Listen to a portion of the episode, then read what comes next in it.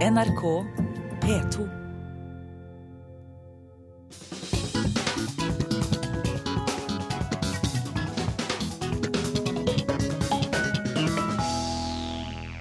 Ja, Den lyden der den betyr at det har blitt fredag igjen, og vi er snart en uke ut i juli, faktisk. Og selv om feriemoduset sikkert har slått inn hos mange, så er det ingen tilbakelente holdninger å spore hos vårt eh, fredagspanel.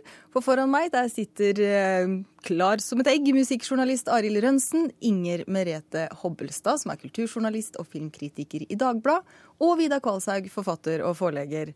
Velkommen til dere alle sammen. Hjertelig takk. Takk for det. Dere, Denne uka så har eh, Kulturnytt blant eh, mye annet fortalt at nybakte foreldres publiseringstrang på sosiale medier bekymrer Jordmorforeningen. For det er en del som eh, tar bilder og, og sender ut meldinger både under og ikke minst rett etter fødselen. Og Jordmorforeninga de mener at det her kan ta fokus bort fra det som faktisk foregår i rommet. Her da, dagens første spørsmål. Er det greit å legge ut bilder og informasjon om sine nyfødte fra fødestuen? Ja eller nei? Arild? Nei. Inger Ja. Ja. Vidar? Ja. OK. Hvorfor ja, hvorfor nei? Skal jeg begynne, da, siden jeg var eh, i, i hundretall? Nei, du, har, her, dette er ikke mitt bord. Men jeg har drevet litt research her nå, og jeg, jeg har havna på det standpunktet. Jeg syns det er Altså, vi skal ha noen sånne fjellvettregler. Det skal vi ha på internettvettregler. Og det syns jeg. Men jeg skjønner ikke at man ikke kan sette en, eh, en stengsel foran den døra. Inne på fødestua må det kunne gå an å, å ikke ha Facebook og mobilkameraer og sånn. Og det må være greit nok at man sender ut bilder på Facebook en time etter at ungen er født. En time etter at ungen er født, er altså Ja, greit? noe sånt. Inger Merete? Eh, nei, jeg tenker at hvorfor ikke sende ut melding en time etter at barnet er født? Altså, jeg, alle de meldingene jeg har sett av den arten, tyder jo på noen som bare renner over av utmattelse og lettelse og glede og bare vil dele dette med verden. Det er veldig gledesfylte meldinger. Jeg, ofte, jeg blir ofte glad av å se på dem. Og når det gjelder sånn eh, sosiale medier i sin alminnelighet, så tror jeg faktisk det har vært en stor lise for folk som er i den, den situasjonen. Altså En ting er under Jeg er kanskje enig i at kanskje det å ta med seg kamera inn på fødestua er å overdrive en smule i den retningen. For det kan bli litt for Eh, men, men jevnt over, altså både når du er eh, på sykehuset og ikke minst i tiden etterpå. Da, altså når eh, man sitter der, folk som kanskje har vært utadvendte, vært vant til å ha et rikt sosialt liv, og plutselig da blir jo veldig begrenset til leiligheten med et lite barn. Og at man da har mulighet til å ha kontakt med verden og faktisk holde liksom, eh, familie, venner orientert om hva som skjer. Særlig når foreldre ofte bor i en annen by, en annen del av landet, som eh, jo er vanligere og vanligere med sånne urbane nomader som folk er blitt nå til dags. Eh, så, så tror jeg det må være en, rett og slett en trøst og en støtte i hverdagen. Vidar, du da? Ja, altså Dette er jo mitt bord, i motsetning til det Arild sier. Han sa at det ikke var hans bord. Eh, Jeg har jo selvfølgelig hatt med meg kamera på fødestua hver gang. Eh, Ja, og hvor tidlig kom da de bildene og den informasjonen ut? Det kan jeg ikke huske, fordi de sosiale mediene har gått ganske fort. Men det er jo blitt sånn i dag at, at eh, hvis det ikke er bilde av ungen der ute, så finnes ikke ungen. Ikke sant? Eh, og jeg tenker at eh, Da sånne dinosaurer som Arild og jeg ble født, så var det jo sånn at mannen traska bort eh, 300 meter i en korridor og putta noen mynter på en telefonboks og skulle ringe, og der kunne han stå en times tid, og så skulle han røyke litt, og så kom han tilbake. Mens med, med litt sånn rask deling via mo- mobiltelefon, så har man fått gjort sitt, og så er man sammen med mor og barn. Så det, det er ikke noe problem. Arild, du Ja, med ja, lappen. ja, jeg vet, at Vidar er norgesmester på Twitter og Facebook og alle de greiene. Som, og det, det hvis dette er får lov å utvikle seg egentlig, det, dette, Jeg syns det egentlig er litt alvorlig. Fordi at eh, hvis det får lov å utvikle seg på den måten, at det går mer og mer å bare følge teknologien, så vil det jo være et tidsspørsmål før, før pappa sitter i fødestua og sender live video av hele fødselen på Facebook. Det har skjedd. Ja, men er det kult? Nei, men du kan velge å ikke se på det. Jeg, Men det har skjedd, altså. eh, jeg tror ikke dette var noe som kom med sosiale medier. Det kan hende det var noe som kom med tekstmeldingen. For jeg husker at Før Facebook ble noe som ingen kunne leve uten, så var det jo tekstmeldinger folk annonserte at de hadde fått barn på.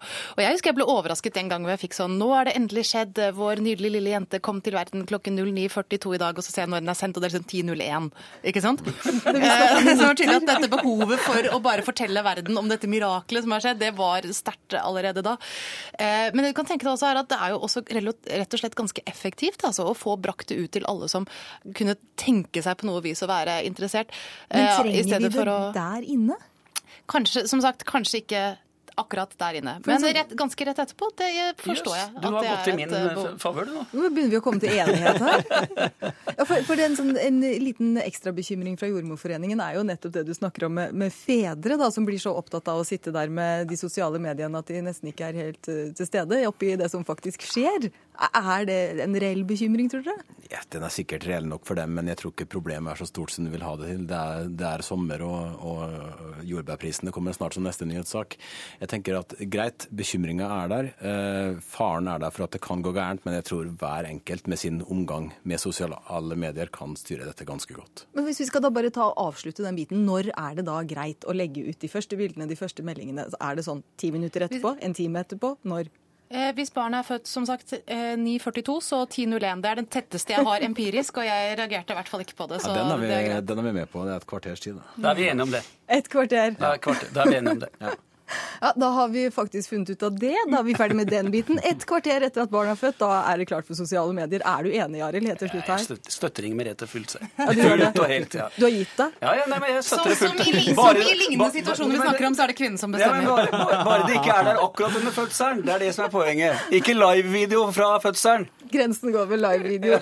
OK, dere. Vi tar neste tema. Det er rett og slett eh, festivaler. Det er vel ganske, rett, det er kanskje en liten festivaler for barn òg, men nå skal det handle om eh, musikkfestivaler. For politiet de har eh, uttrykt et ønske om å få 18-årsgrense på festivaler, særlig da på campingområdene ved festivaler, pga. narkotika og alkoholbruk. Og Blant annet så viser de til at det ble gjort eh, 35 beslag i løpet av de første dagene på HV-festivalen i år. Spørsmålet er bør det bli 18-årsgrense på musikkfestivaler? Ja eller nei? Vidar? Nei! Inger Merete? Nei. Arild? Nei. Ja, det var jo greit nok. Ja, altså, Hvorfor ikke? Her har jeg en ganske sterk advarsel mot, eh, eller til foreldrene. Hvis det er sånn at eh, ungen din må være 18 for å få lov til å høre skikkelig musikk, så er det veldig stor sjanse for at det barnet kan ende opp med å like P4-musikk. altså. Og det må foreldre tenke på. Og det er verre enn narkotika. Iallfall mer avhengighetsskapende. Folk driver med det hele livet. La unga få gitaren før fotballen tar dem. Riktig. Eh, Nei, altså Hvor er de hvis de ikke er på festivalen, da? Da er de jo et annet sted og drikker og fester. Altså 16-åringer drikker jo, eh, og har antagelig gjort det en stund allerede. Eh, det som skjer, er at de vil fortsette å ha med seg alkoholen, men de vil gå glipp av musikken. Og det tror jeg ingen er tjent med. Arild? Ja, jeg mener jo det at um, um, her er det sånn at tabloidene I går så var det VG som, som fulgte opp det. Som 33 beslag av det som kalles narkotika, og mesteparten var sikkert hasj, i et sted hvor det er 20 000 mennesker. Altså, det er jo ikke noe. Eh, og det er helt riktig som Inger Merete sier, hvis de ikke hadde vært på festival, så hadde de, brukt den hasjen et annet sted.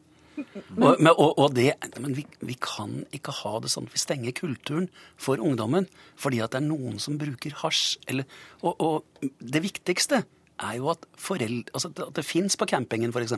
Hvis det er mulig, hvis det er lov å være der for 16-åringer, så bør det jo være foreldre og frivillige som er der og holder orden. Men du kan jo ikke stenge dem ute fra kulturen.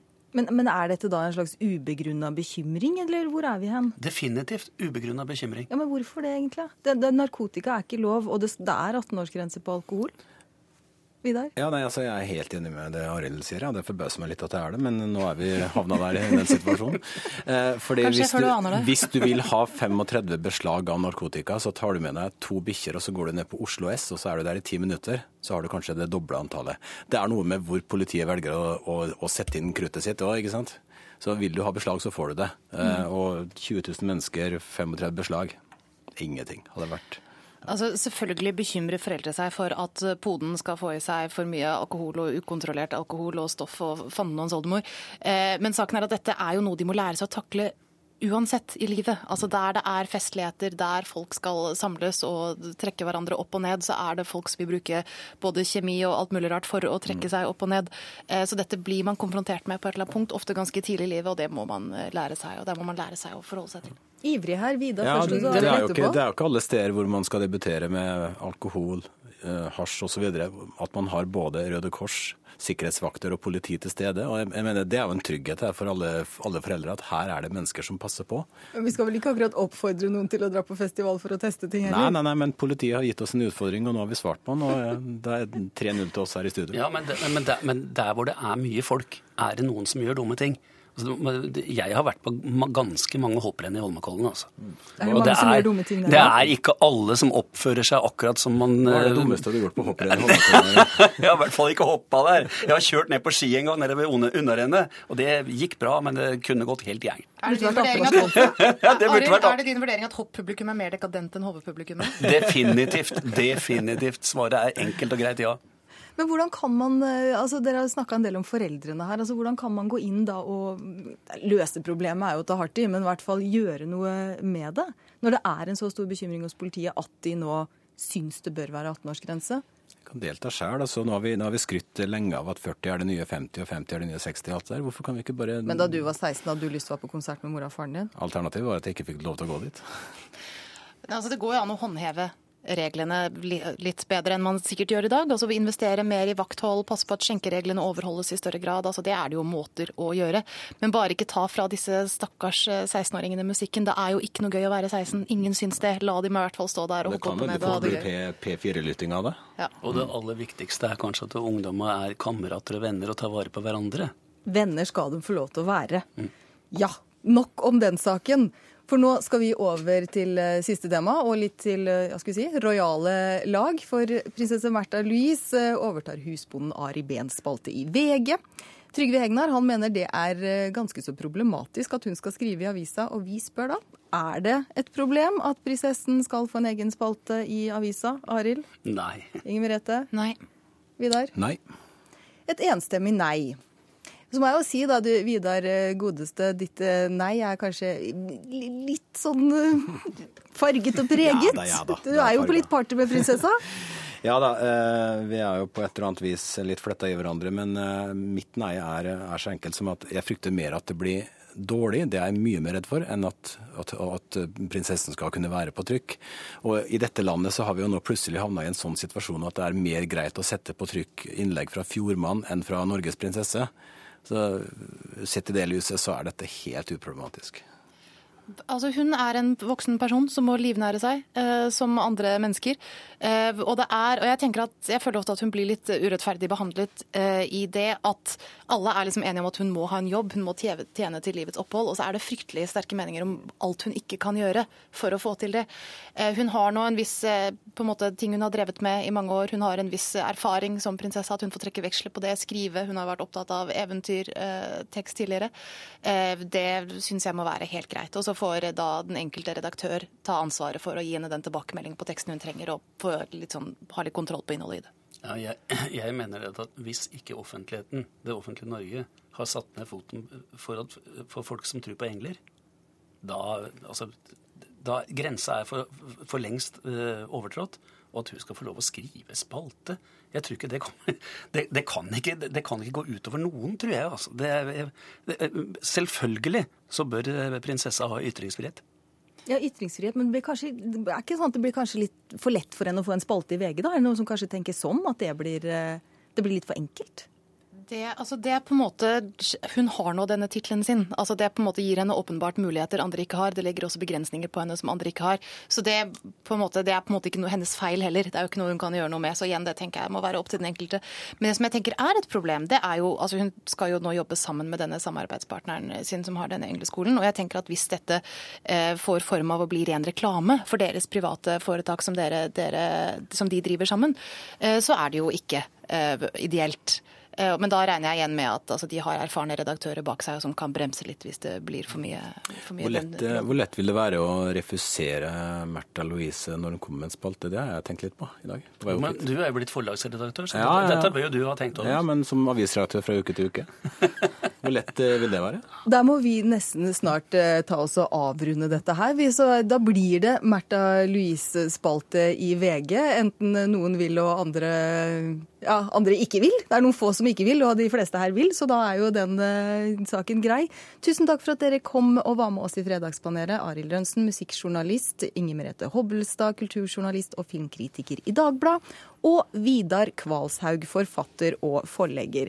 Dere får være hjertelig velkommen tilbake ved en senere anledning, får jeg si. Hør flere podkaster på nrk.no podkast.